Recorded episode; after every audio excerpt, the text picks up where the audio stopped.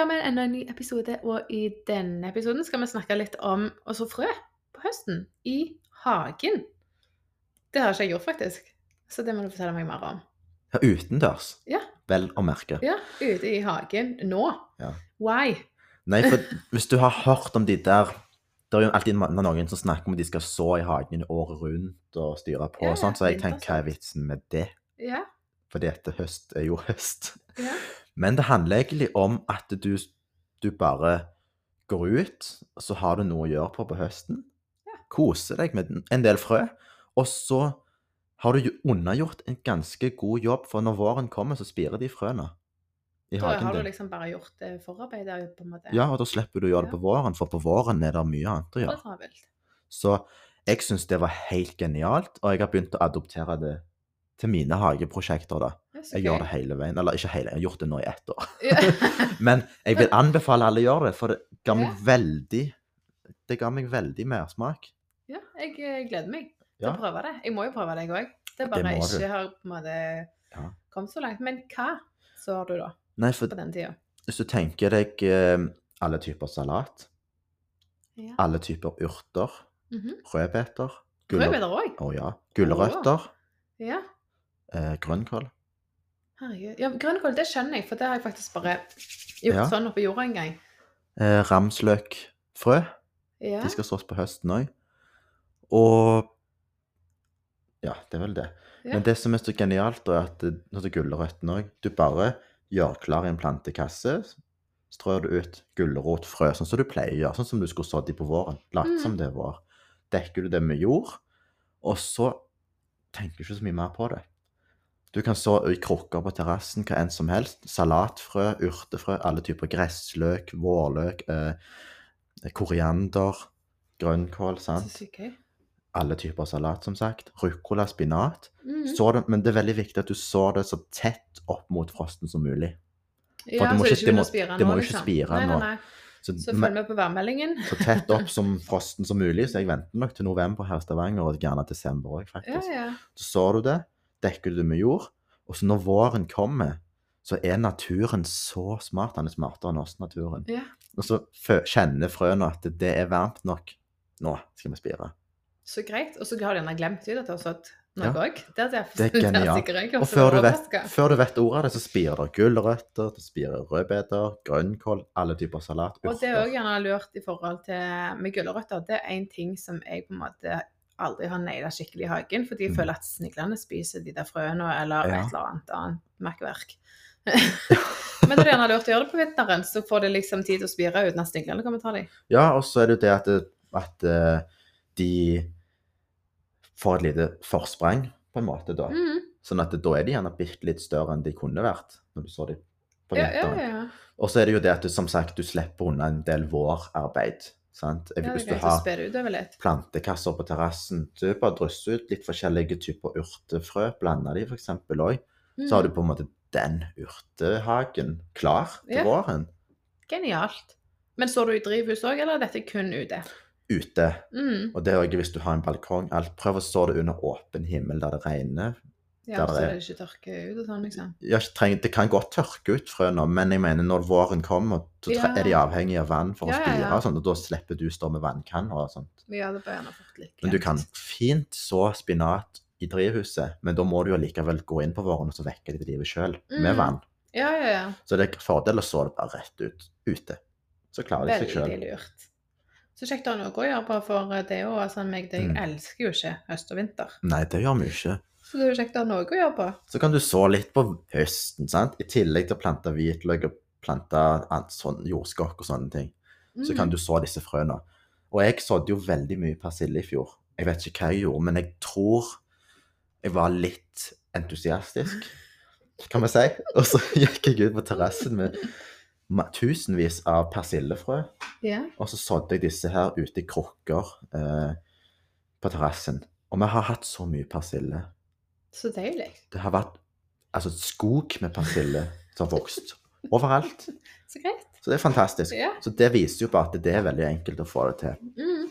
Men Også, dekker du jord med noe òg? Nei, dekker bare med jord, men Ja. vi bor jo veldig mildt her, så hvis du bor litt oppe i nord, Mm. gjerne dekk med litt gressklipp, litt litt beskyttende bladverk, f.eks., Ja, ja, fra løv fra trærne. Men det er viktig at du fjerner det igjen til våren, sånn at spirene kommer seg opp, og at det ikke kveles av tykt bladverk. Mhm. Så det er viktig å fjerne tidlig vår, Ja. før varmen kommer. Ja. Ellers så spirer det jo ikke. Nei. Og så har du en annen ting med disse grønnkåla. Det kan du gjøre. Du tar én pallekam, en halv pallekam, og så drysser du grønnkålfrøene ut veldig tett. Ja. Bare så de ut som, en, som om du skulle sådd breisådd salatfrø. Bare hiver du ut. Og så vokser det opp en haug med små grønnkålplanter. Tett i ja, og så tett i tett. Og så deler du de fra hverandre. Faktisk har gjort det en gang uten, altså, uten at jeg mente det. Mm.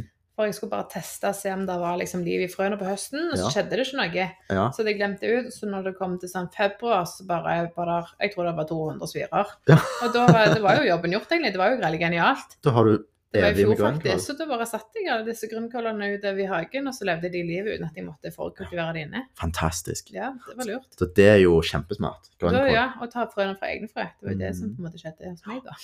Det er genialt. Og det er det som har skjedd med oss òg, når de blomstrer og danner frøkapsler. Mm. Og så er jeg veldig slurv av og til hvis jeg blir litt demotivert om høsten, så jeg orker ikke gå ut i hagen og gjøre noe. Yeah. Så detter de frøene bare ned. Yeah, Så spirer det grønnkål under hekken, i plenen, overalt. Ja, spirer det grønnkål. Fantastisk. Genialt. Sånn som Vi hadde jo et felt med rødbeter, og der var det sikkert 10-20 grønnkålplanter imellom rødbetene. Og de måtte jeg jo fjerne, for de Mm. Ja, tok jo ja, ja. sollys fra rødbetene. Stemmer. Men det gjør jo ingenting om de sto, ble litt store, for da ble de en liten fin størrelse, og så Ja, kunne du bare ta de inn. Grønnkål er genialt òg, det står jo hele Ja, vinteren. vet du hva. Grønnkål rosenkål og jordskokk er jo genialt. Mm. Og jordskokk, jeg gleder meg Har nå. du tatt de òg? Nei, de er akkurat ferdig blomstra nå. Ja. Og nå er vi jo i slutten av september, for de som lytter på episoden. Mm. Og da er akkurat ferdig blomstra, og da må han få lov til å stå to-tre uker til. For nå, nå er det jo action under jordoverflaten. Ja, Ikke rør de. Nå produserer han mye knoller. Ja. Det er det mange misforstår. De tenker fantastisk stor plante, og så drar de den opp midt på sommeren, så det Ja, ikke ja, eneste knoll. Jeg har ikke pleid å ta dem opp før slutten av oktober, nesten. Ja. Så vent, ha is i magen, ta dem opp så sent som mulig. Da har du mye knoller. Og så pleier jeg å ta de opp litt og litt. Tar du opp alle, eller tar du opp liksom litt i Jeg tar litt og litt. Og, ja. Vi som bor så mildt her, kan jo i Stavanger, vi kunne grave her på julaften. Ja, ja, jeg har gjort det en gang, faktisk. Men de som bor veldig kjølig til, de må jo ta opp det de trenger, mm. Så Oi. lar du resten stå. og la resten stå. Men da får jo de permafrost og to meter snø etterpå, så da kan de ikke grave. Nei, nei, nei. Så, men eh, jeg har jo disse her i nettbutikken òg, så vi tar jo opp så å si alt etter hvert. hvert. så selger de. Ja. Mm. Per nå så er det jo 300 står på venteliste. på Oi, jeg du sier jeg trenger litt. Nå må de bli ferdig. Alle venter. ja, ja, ja. Men det er gøy. Og jordskokk er jo fantastisk. Og så har du disse ramsløkene som skal plantes på høsten. Ja. Du kan jo plante ramsløkfrø fra frø, Mhm. for eksempel. Da tar de to-tre år før du får en, på en måte en Å, En avling. Da må du ha god tålmodighet. Du må det. Før du, for det første år så er det bare bitte små blader. Andre år så litt større. Tredje år så kan du høste skikkelig Ja. og lage en pesto, for Men hvis du ikke vil vente. Så planter du ramsløk, setteløk. Ja. Det er løk av eldre planter. Mhm. Det får du alltid tak i nå på høsten, og så planter du de, og så kan du allerede til våren lage deg en pesto. Nydelig. Det jeg må kjøpe det. planter. Altså, vi har hatt det i kolonihage, men de er jo sånn felles, så jeg kan jo ikke gå helt amok og ta de. Mm. Så ja, genialt. det, det er også Det veldig og fint. hvitløk, setter Og vi nå. hvitløk. Ja. Hvitløk settes òg i oktober, jeg tenker Mm. rett før frosten her. ja, jeg har Det er jo. Veldig lenge til frost kommer i Stavanger. Men det er greit å kjøpe de inn og ha de der, Ja. altså, hvis du ikke har egne. Absolutt. Og hvis du skal ha sette hvitløk, så bør du egentlig faktisk ta et frost tak i dem, for de blir utstolt overalt. Ja. Det Det blir det. kjempepopulært å dyrke inn hvitløk, for det er sinnssykt enkelt. Ja. Jeg føler jeg har en, en liten medskyldighet, for jeg snakker om hvitløk hele veien. og alle vil jo prøve det, da. Jeg må se de store hvitløkene du hadde nå. De så jo helt insane ut. Jeg må kjøpe noen av dem, faktisk. For selv om jeg har egne. Ja, vet du hva, Det var helt utrolig. Når vi hadde disse hvitløkene og sto og pakket de på lageret til nettbutikken, de var jo større enn hånda di. Men det var den sorten som heter Germidor. Har dere mer noe, eller har dere utsolgt Jeg tror jeg er tom for det snart. Men du, vi skal fikse til deg. Special treatment. Ja. Og så var vi, vi var jo tomme for hvitløk en periode, men vi måtte bestille en palle til. Å ja. Så det ble Tenk deg, altså Det må jo være et nydelig syn. Når Det det er jo en det. palle med hvitløk. Det er jo fantastisk. Så det er Hvitløk er gøy. Ja. Nå må man bare høste alle rødbetene, sulte de, hive i næring i jorda, og så plante hvitløk der. Så er det klart. Ja. For det at hun tanta mi hun holder på å sulte rødbeter akkurat nå, i Mm. snakkende stund. Ja, I snakkende stund, faktisk. Men det tar tid, for det er jo 200 rødbeter. Oh. Hun tok opp, hun tok opp 20 rødbeter, sant? så er jo det 40 glass med, eller 50 glass med rødbeter, for de er så store, disse rødbetene. Ja. De er jo større enn en melon. Du må og se på dem. Ja. Så det kommer til å ta en måned å sulte alle de rødbetene. Lager du rødbetjuice? Ikke så mye. Nei, vi hadde det litt. Altså det med eplejuice, eplejus, altså med juice og epler og rødbeter sammen. Mm. Er OK. Ok. Og så er Ikke for mye rødbet, liksom. Oi, det er nok sunt òg. Ja, og så tok vi faktisk, når jeg lager musli, så tar jeg, eh, tok jeg litt av det vannet, så ble det rosa musli.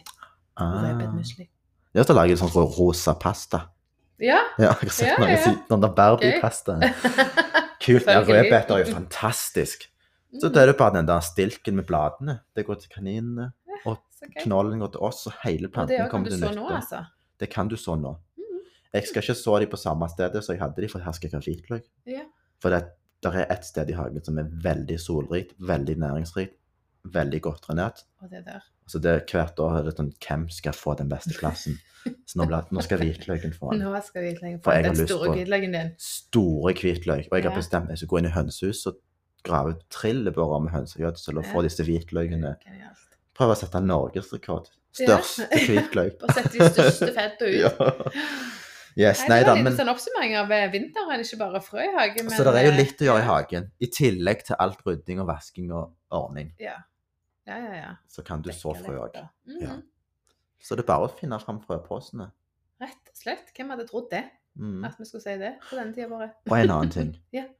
Apropos frø. Frø er veldig fint å gi julegaver til folk. Ja. Så det vil jeg anbefale alle å tenke faktisk på. Fordi at det sier du har en person du kjenner som har egentlig alt de trenger av lysestaker og vaser hjemme. Mm. Hvorfor ikke bare gi frø? Jeg hadde blitt så glad for det. Altså, det har blitt ganske dyrt, Ja. mange typer frø. Det er jo 40-50-60 Det er kroner for noen.